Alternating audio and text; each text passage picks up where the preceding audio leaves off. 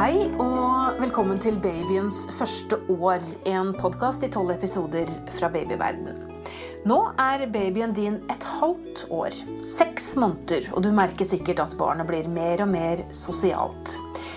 Tilknytning og løsrivelse skal vi snakke mer om i denne episoden, blant annet.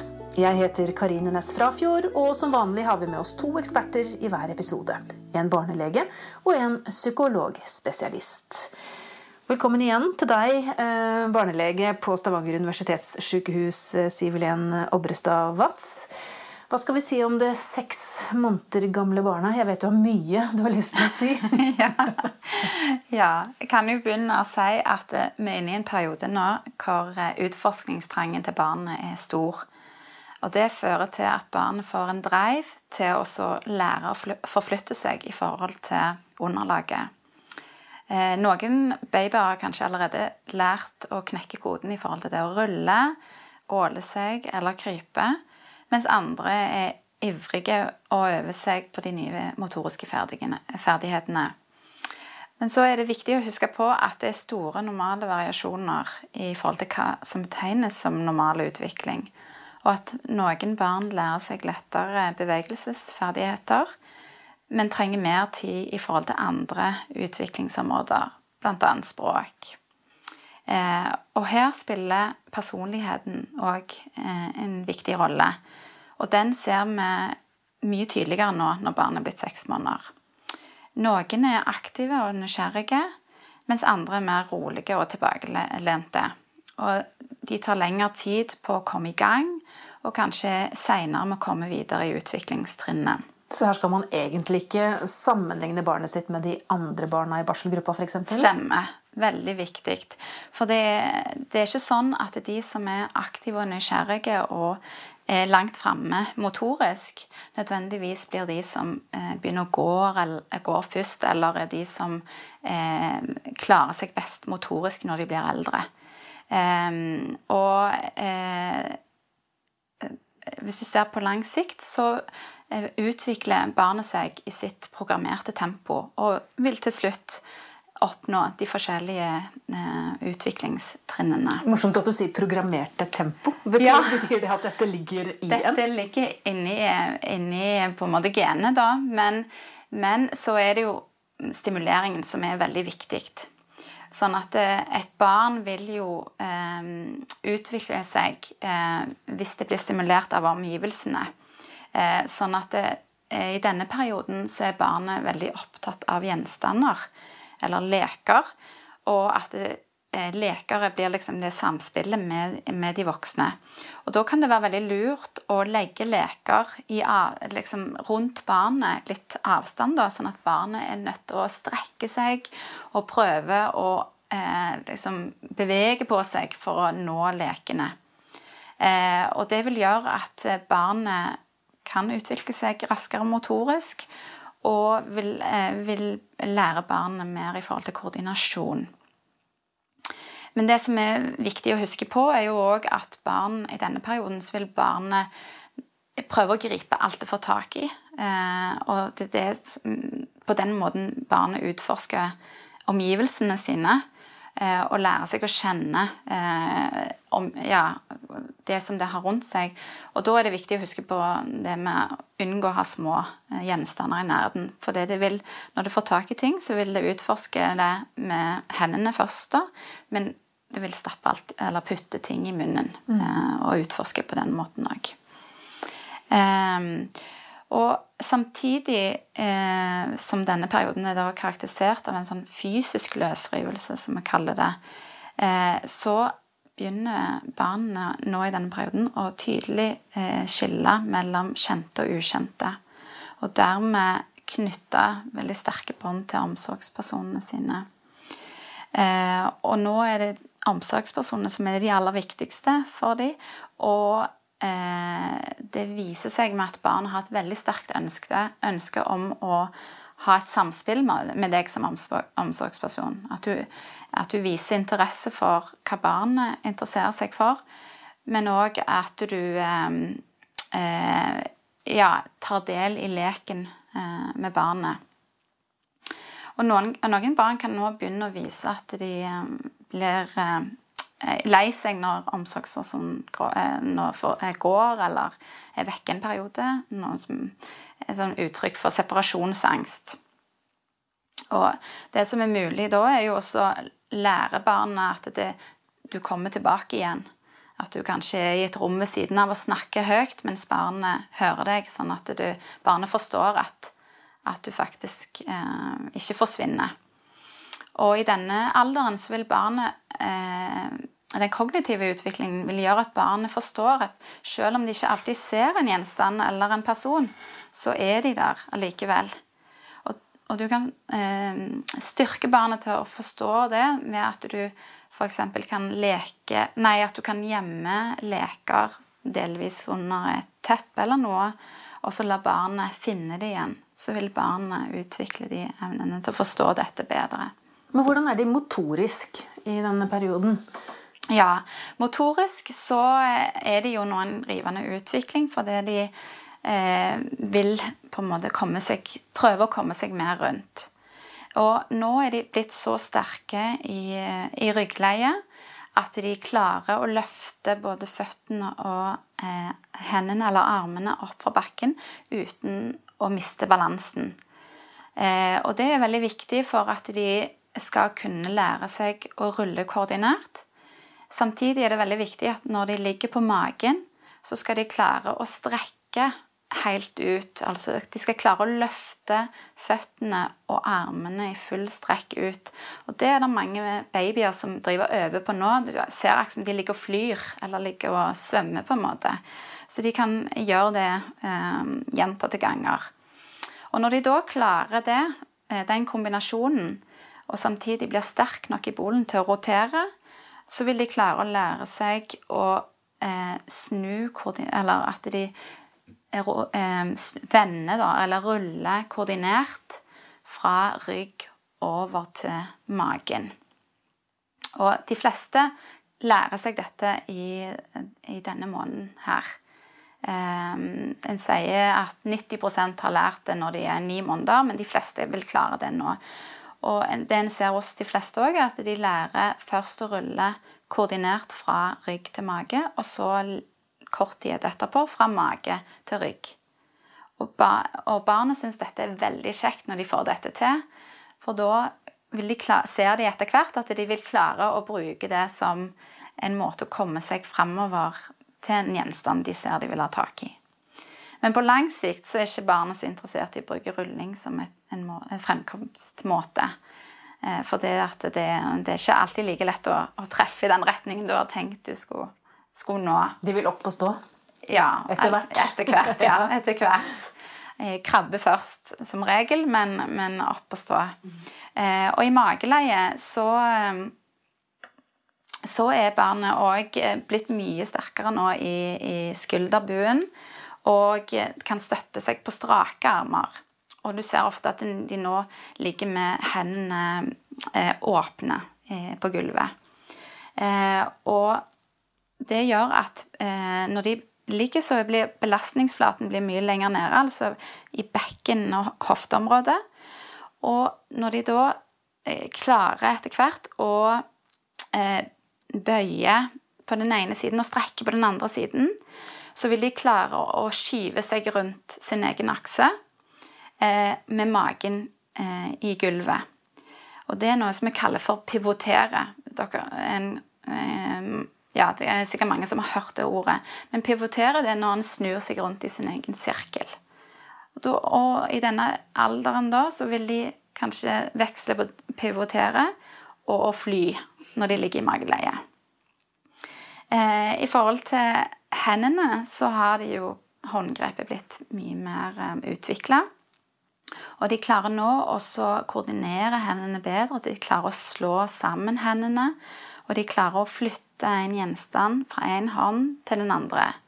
De klarer òg å strekke seg etter en gjenstand eh, mens de holder en gjenstand i den andre hånden. Og ta gjenstanden bort til, til midtlinjen igjen og enten utforske den med begge hendene eller ta den i munnen. Eh, og det som er eh, veldig fascinerende å se på nå, er jo hvordan eh, fram mot ettårsalder eh, håndgrepet blir mer og mer differensiert, og at de utvikler noe som vi kaller for pinsettgrepet. Skal det komme nå?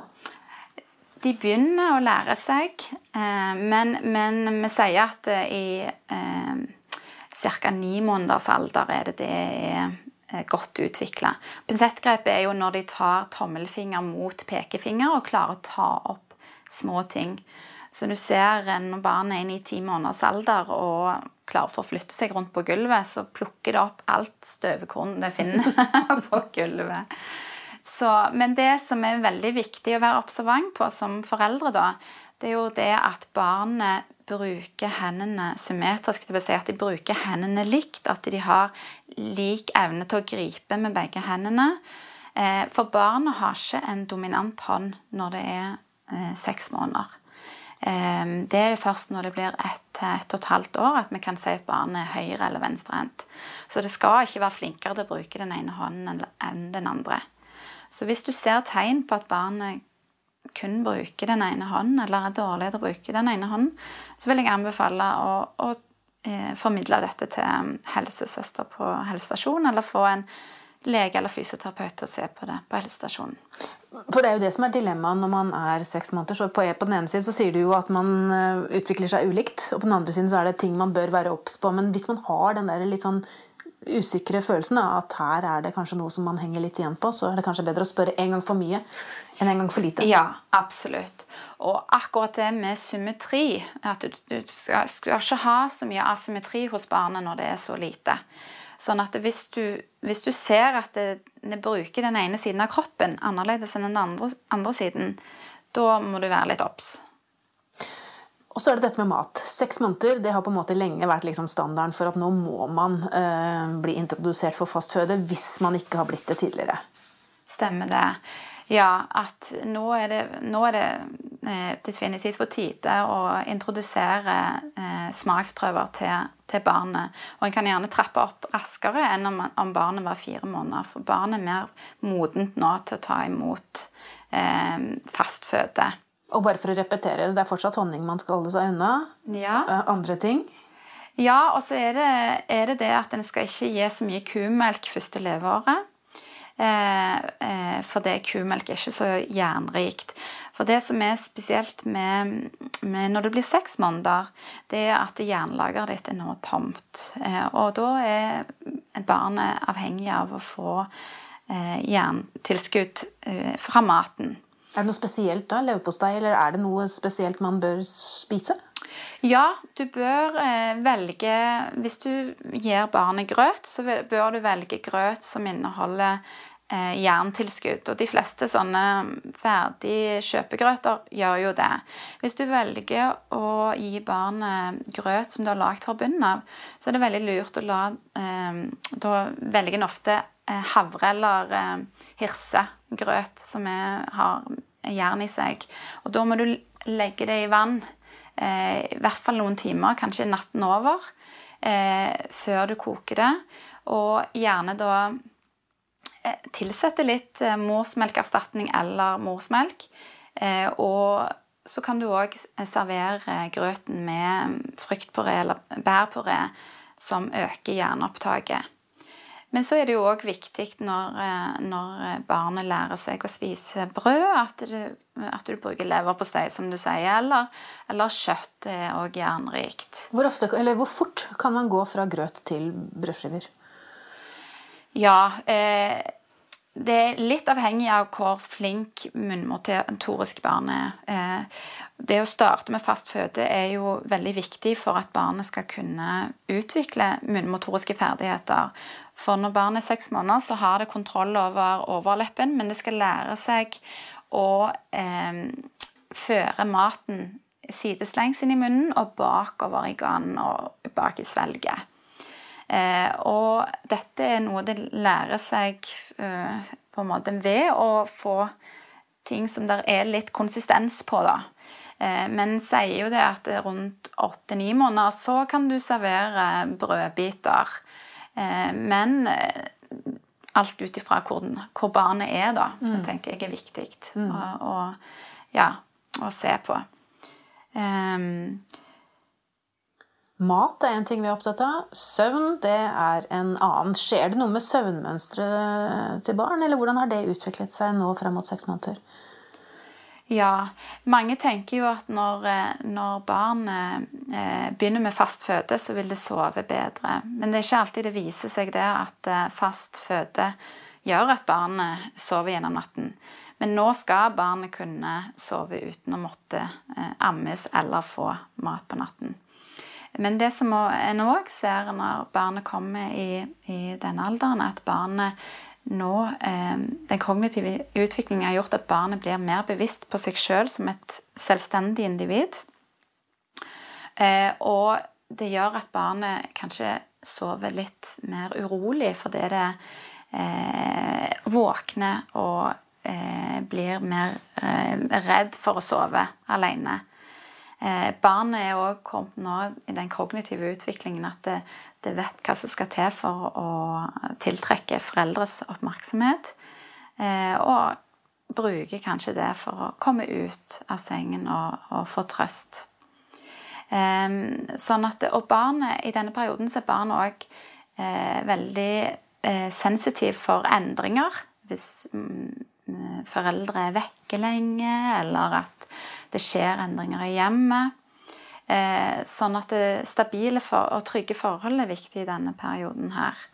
Og ikke minst det som vi har snakket om i tidligere episoder, det med faste leggerutiner er jo det som er eh, på en måte det viktigste for en, en god søvn hos barnet, og at en god innsovning. Ja, og Hvis du legger et godt grunnlag nå, så vil man jo nyte godt av det også senere. Absolutt. Mm. Absolutt. Det å starte kvelden og, og roe ned og ha faste rutiner før barnet legges, som gjør at barnet får en trygghet om at når barnet våkner igjen, så er foreldrene til stede, og at det, eh, søvn er på en måte en god, god ting for barnet. Takk skal du ha, barnelege på Stavanger universitetssykehus, Siv Helen Obrestad Watz. Og um, etter en veldig kort liten pause nå, så skal vi snakke mer om tilknytning og barnets favorittperson, altså deg.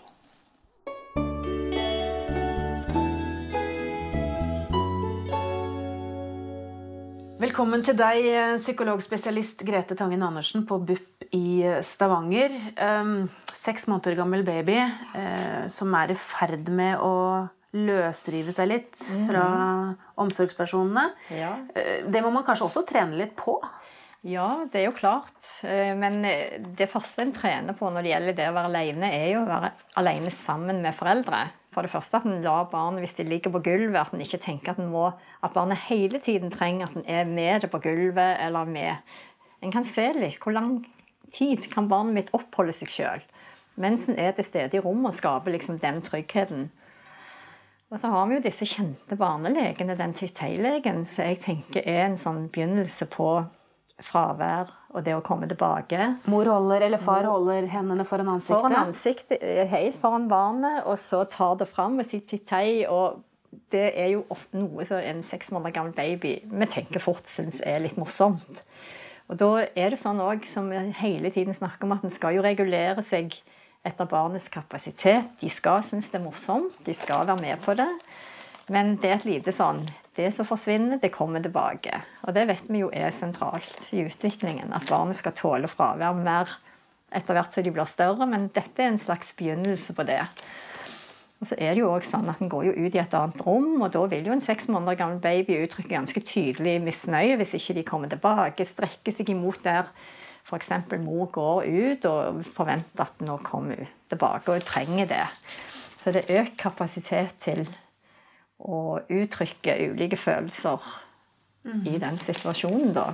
Mm. Men nå må de vel de må vel begynne å lære seg dette også, sakte, men sikkert. Vi snakket jo litt ja. i forrige episode om å sette grenser. ikke sant? At ja. det er barnet som skal få bestemme mm. tempoet på, ja. på hvor uh, på, på, på, løsrivelsen, hadde jeg nær sagt, eller hvor tett mm. man skal være til de nærmeste omsorgspersonene? Ja, så tenker jeg det er jo en del ting som er naturlig. At kanskje en går ut på kjøkken og babyen viser, kommer med uttrykk på at dette var ikke så kjekt. Men så er en tenker da er babyen så stor at hvis du bare sier 'nå er mor på kjøkkenet', bare vent litt, så kommer jeg At stemmen er nok. En trenger liksom ikke ikke gå.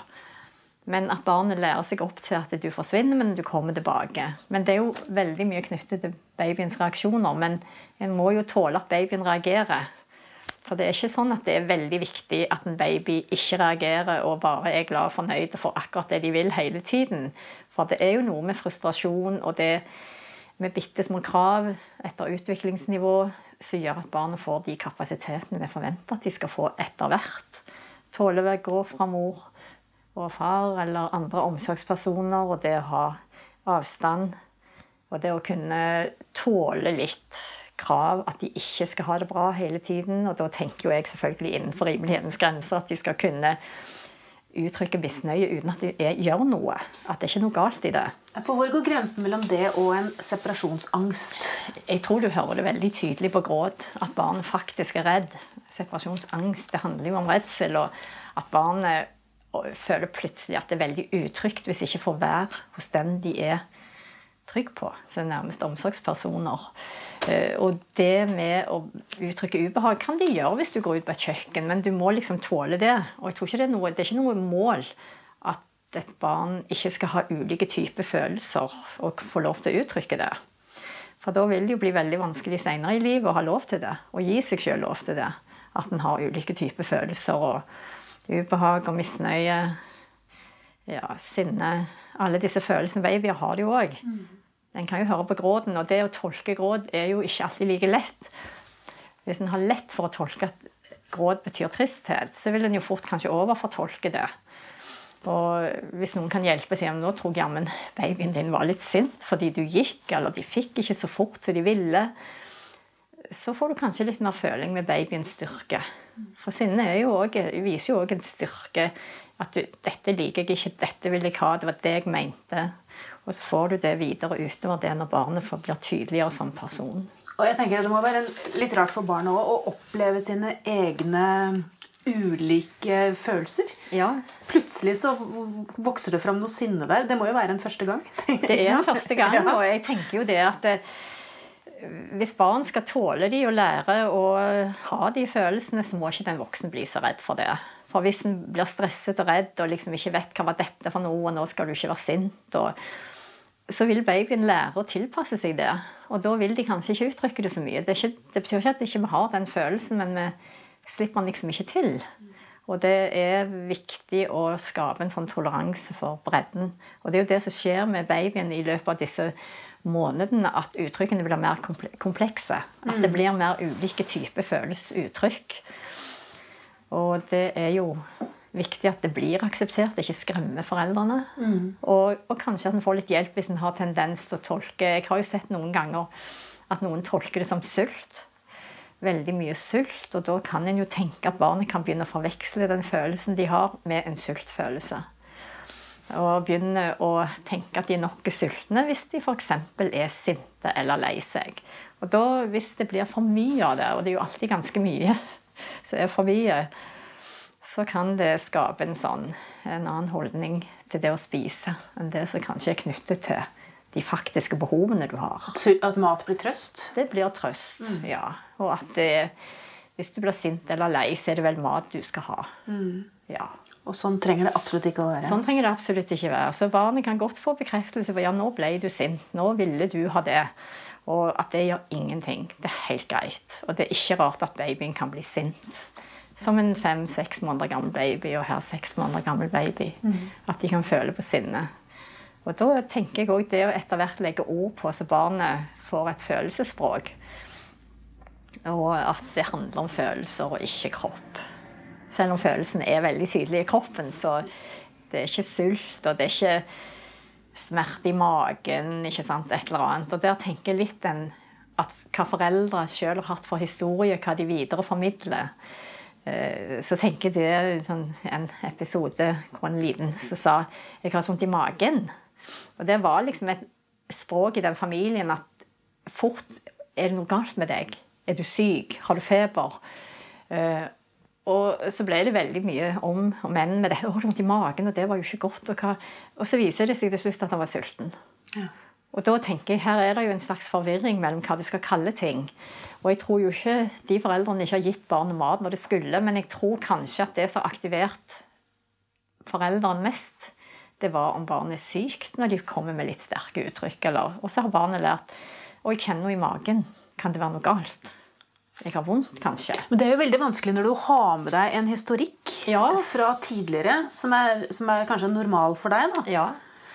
Og det er akkurat det som er Og vi, vi har det alle.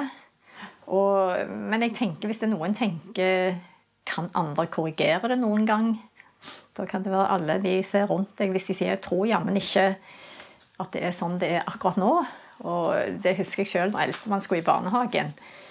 Så var, følte jeg han var utrolig lei seg hele tiden. Og så sa hun førskolelæreren 'Vet du hva, Grete, i dag var han sint når du gikk'.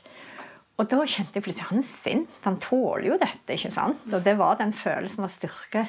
Og det tror jeg er viktig at foreldre kan kjenne på. Men vi har det alle, og jeg tenker sånn som vi har snakket om før, hvis det er noen blir veldig usikker på, så kan en ta det opp med helsestasjonen. Og jeg syns jo de er gode mange ganger å hjelpe folk til å tenke litt ulike typer behov, ulike typer følelser. For når du sier korrigering, så tenker jeg oi, oi, oi, her skal man være litt forsiktig. Ja, jeg skal jo absolutt det. Fordi, fordi det er jo mange som eh, opplever korrigering som kritikk. Ja, det er det. Det ligger litt nær, og, og min tanke er vel mer Hvis en kjenner sjøl at det, Nå lurer jeg litt på er det det det betyr, så kan en jo spørre. Og hvis noen sier det Jeg tror Ingen kan være 100% sikre, kanskje, men de kan si 'jeg tror jammen at babyen din hørtes sint ut'. Kan man si det i en barselgruppe for eksempel, til en venninne? Ja, Det er der jeg tenker, for Korrigering Korrigering kan man jo få fra både si, fagpersoner og, og de som står en nær. ja. Jeg tror alltid måten det sies på, er jo veldig avgjørende, og at en ikke skal heve seg og tenke at en sjøl har en fasit, men at en kanskje er litt i en sånn samtale og dialog. Ja, hva kan det være? Kan Litt det være spørrende, det? kanskje? Ja, ikke sant? At en spør litt og åpner for muligheter. Heller enn å stå fast. Og jeg tror kanskje ikke vi har så veldig belegg alltid for å stå så veldig fast ting, men at en åpner for muligheter. og det var litt sånn når jeg begynte ved helsestasjonen og vi skulle ha foreldre som kom til konsultasjon, så gikk det fra å være råd til å bli felles refleksjon. At folk får bruke sin kunnskap, så reflekterer vi om det som blir lagt fram som vanskelig, da. Så har du det der ordtaket om at det tar en hel landsby å Ja, og, og hva heter det? Få opp et barn? Altså, oppdra et barn oppdra et barn, ja. Ja, og jeg tenker det er et veldig godt ordtak, eller hva vi skal kalle det for. For jeg tror jo det at eh, en gjør det ikke på egen hånd. Og jeg tror det å tenke sammen og tenke høyt og kanskje etter hvert eh, tåle at folk kommer med sine innspill. Og så har vi våre ømme tær. og det vil en fort merke hvis en tråkker på de. Så ja. Du, eh, Apropos det med separasjons... Eh, ikke angst, kanskje, men det med fremmedfrykt, det med tilknytning, løsrivelse, barnevakt. Det er det mange som lurer på. Vi har vært litt innom det før, men seks måneder gammel baby, kan man ha barnevakt hvis man vil på kino en kveld, eller ta en Ja. tur ut? Tenker, hvor går grensen? Hva er greit? Ja, altså jeg tenker jo absolutt at en kan det. Og jeg tenker kanskje den som sitter barnevakt, òg kanskje skal tåle litt råd. Eh, fordi barnet uttrykker altså Det med fremmed frykt altså Hvis barnet ikke kjenner den som sitter barnevakt, og den plutselig dukker opp, så tenker vi jo alltid hvis det er f.eks. besteforeldre, så har jo de for det første litt av samme omsorgsstil som foreldrene har. De kjenner barnet fra mange sammenhenger, og de kan veldig godt sitte barnevakt hjemme hos barnet, sånn at mest mulig er kjent. Og så kan de godt komme en liten stund før barnet skal legge seg, eller eventuelt de skal overta, så at det ikke skjer i døren. At her kommer bestemor eller bestefar, vær så god. Men at en er sammen, sånn at babyen venner seg til Nå er den personen her. Eh, Og kanskje en sånn viktig ting som de ikke gjorde så mye av før. Før var det også sånn i barnehagen at de bare, foreldrene bare lurte deg ut, for nå er barnet så opptatt av noe. Og det var jo for å unngå følelsesmessige reaksjoner. Og det gjør han jo ikke lenger, for han tenker da barnet skal vite at foreldrene går, og de skal få lov til å reagere på det, og de skal få lov til å få trøst. Og at det er en veldig viktig eh, prosess, akkurat det. Og da tenker jeg kan heller si ja, nå vinker vi til mamma eller pappa, de skal gå på kino. Husker I barnehagen vår så hadde vi eget vinkevindu. Ja, ikke sant? Ja. Og så har de utviklet ritualer. Ja. de, ja, Men nå er det veldig viktig at barn er klar over at foreldrene går, og de skal få lov til å føle og reagere. Mm. Så får heller foreldrene ringe en stund etterpå og høre om det går bra. Og det gjør du alltid. Det gjør jo alltid det. Så det blir mye bekymring uten grunn, kan du si, men det er naturlig. Men én ting jeg vet, og av egen erfaring eh, mange mødre og sikkert medmødre, fedre, gruer seg til, det er jo når man skal tilbake på jobb. Altså Denne permisjonen skal jo deles. Skal I en eller annen brøk som man velger selv, men på et eller annet tidspunkt så, så skal omsorgspersonen som har vært tett på Mm. lenge, tilbake på jobb. Ja. Hvordan forbereder man først og fremst barnet da, på det, men også kanskje seg selv? Ja, og så tror jeg mange ganger legger en planer før barnet blir født. Og så kommer hele denne overveldende kontakten, og så tenker en hvordan skal jeg få det til? Så jeg tror jo mange får en overraskelse når de kommer så langt. At det blir tøffere og vanskeligere. Jeg tenker f.eks. det med amming. Hvis barnet fullammes, så kan det jo ikke det når mor skal på jobb. For eksempel. og da er en jo nødt til å trappe det ned og begynne en avvenningsprosess. Og en kan godt gjøre det på kveldstid og nattestid hvis en vil det. Klare det sammen med jobben sin. Eh, Det er jo én forberedelse. Du kan jo ikke fortelle det til babyen. For babyen har jo ikke begreper om fravær på denne måten. Og det er jo klart, derfor så vil jo en annen nær omsorgsperson passer på. Men så når de skal begynne i barnehagen, så er det fremmede som skal vennes til. Så det er jo store utfordringer for babyen og det lille barnet, disse tingene da. Og kanskje det å ikke kunne formidle hva er det som skjer, og de har ikke tidsbegrep, så de vet ikke hvor lenge er lenge, hva tid kommer mor hjem, er jo bare forduftet. Altså, hvis vi ser for oss at noen er vekke fra oss i syv timer uten at vi aner noe om tid, så er det en evighet. Ja, er det sånn at barnet føler på at 'jeg har mistet den viktigste personen i livet mitt'? Ja, jeg tenker nok at eh, en baby er mer stresset i de situasjonene enn kanskje en forestiller seg. Men så tror jeg det er viktig å tenke at eh, når den andre omsorgspersonen i familien er hjemme, så er jo det òg en veldig kjent person, og de passer jo ikke babyen. De er jo foreldrene til babyen. Sånn Så at det blir jo en Jeg tror mange føler at den perioden kan være en litt tryggere periode å gå ut, men mange kjenner nok veldig på det fraværet sjøl når de er på jobb, og veldig, synes at det blir en slags eh, At de rives litt fra hverandre. Og det er jo alltid en diskusjon som pågår i et samfunn. Hvem skal ha den omsorgspermisjonen? Når er det godt og riktig? Og hvis barnet fortsatt ammes, er det greit å avslutte det nå? Burde vi Jeg har hørt, og jeg tror det er sant, at i Sverige så er det halvannet, halvannet år svangerskapspermisjon. Og så kanskje far tar siste månedene. Og det høres jo mye mer tilpasset barnet ut. For jeg tenker jo kanskje det første leveåret så er det så mye som skjer. Og det med avvenning, den vil en jo helst skal foregå eh, gradvis og veldig tilpasset hvordan en vil det skal se ut. Det er ikke sånn at nå må vi avslutte fordi jeg skal på jobb. Det er liksom en kunstig måte å begynne å introdusere det på. Selv. Men så er det det en sier, vil de barn ta skade av det, så det er veldig mye som skal til for at barn tar skade. Så, og jeg tenker ikke vi skal operere med det som et perspektiv, for da er vi langt ut på galeien, for å si det sånn. Hvis vi tenker at barnet skal ikke bli skadet. Jeg tror barn tåler det. Men vi må ikke underkjenne at det er en påkjenning. Og så får vi tåle det, og så får vi velge Og trygge så godt man kan da, rundt. trygge så godt en kan. Og barn er jo det, det skjer jo veldig mye trygging, og i en barnehage når de kommer der også, så er det jo mye trygging. Det er jo gode voksne som vil gjerne inn, men det er klart det er en belastning for et barn uten tidsbegrep på 10-11 måneder f.eks. å ha det fraværet. Men da har man jo holdt på å si, øvd seg litt, da. ikke sant? Først, med, først barnevakt, ikke sant? og så at en av foreldrene mm. Kanskje den- man bytter roller ikke sant? i forbindelse med permisjonen, og så Ja, eventuelt da barnehage når man nærmer seg et år. Ja. Og så tenker jeg det Det er jo litt av den diskusjonen òg at eh, kvinner kanskje ikke skal oppfatte seg som så utbyttbare i løpet av første leveår. Det er òg en del av kvinnesaken, tenker jeg. At kvinner er veldig viktige i den utviklingsprosessen første leveår. Og at vi kanskje litt lett snakker som om andre kan overta. Men at kvinner der er veldig avgjørende viktige. At likestilling er et begrep med mange fasetter. Veldig mange fasetter. Ja. Absolutt. Så, men, men en må til med en deling der, og samfunnet er jo som det er. Så hvis en bare tør å anerkjenne at det er jo en belastning for barn, men jeg syns foreldre gjør enormt mye for å få dette til å gå på en fin og god måte. Og jeg hører jo mange ganger mødre som ammer med en gang de kommer hjem og skal liksom prøve å erstatte og reparere. Nå har jeg vært vekke, nå er jeg veldig til stede. Så kontrasten ble jo ganske stor, da. Og så har man heldigvis da brukt noen måneder på å bli Ja. trygg i rollen, kanskje En- også selv. Ikke sant, ja. Og babyen er jo Nå er det jo ikke når de er seks måneder de skal gå ut. Heldigvis. Men babyen er større, og det er klart når jeg sier de kan, Du kan ikke formidle akkurat opplevelsen gjennom ord, men du kan forholde deg til barnet og si ja, nå var det lenge. Og nå venter vi, ikke sant. Og så tåler det, og samtidig avlede. For det er ikke det at jeg ikke mener at en skal avlede, men en kan bekrefte en følelse, og så hjelpe til noe annet. Mm. Takk skal du ha, Grete Tangen Andersen. Eh, I neste episode så skal vi snakke om noe som vi ikke rakk i dag, nemlig den skjulte barneoppdragelsen. Ja. Men det tar vi når barnet blir eh, sju måneder. Har hørt Babyens første år, en podkast fra babyverden.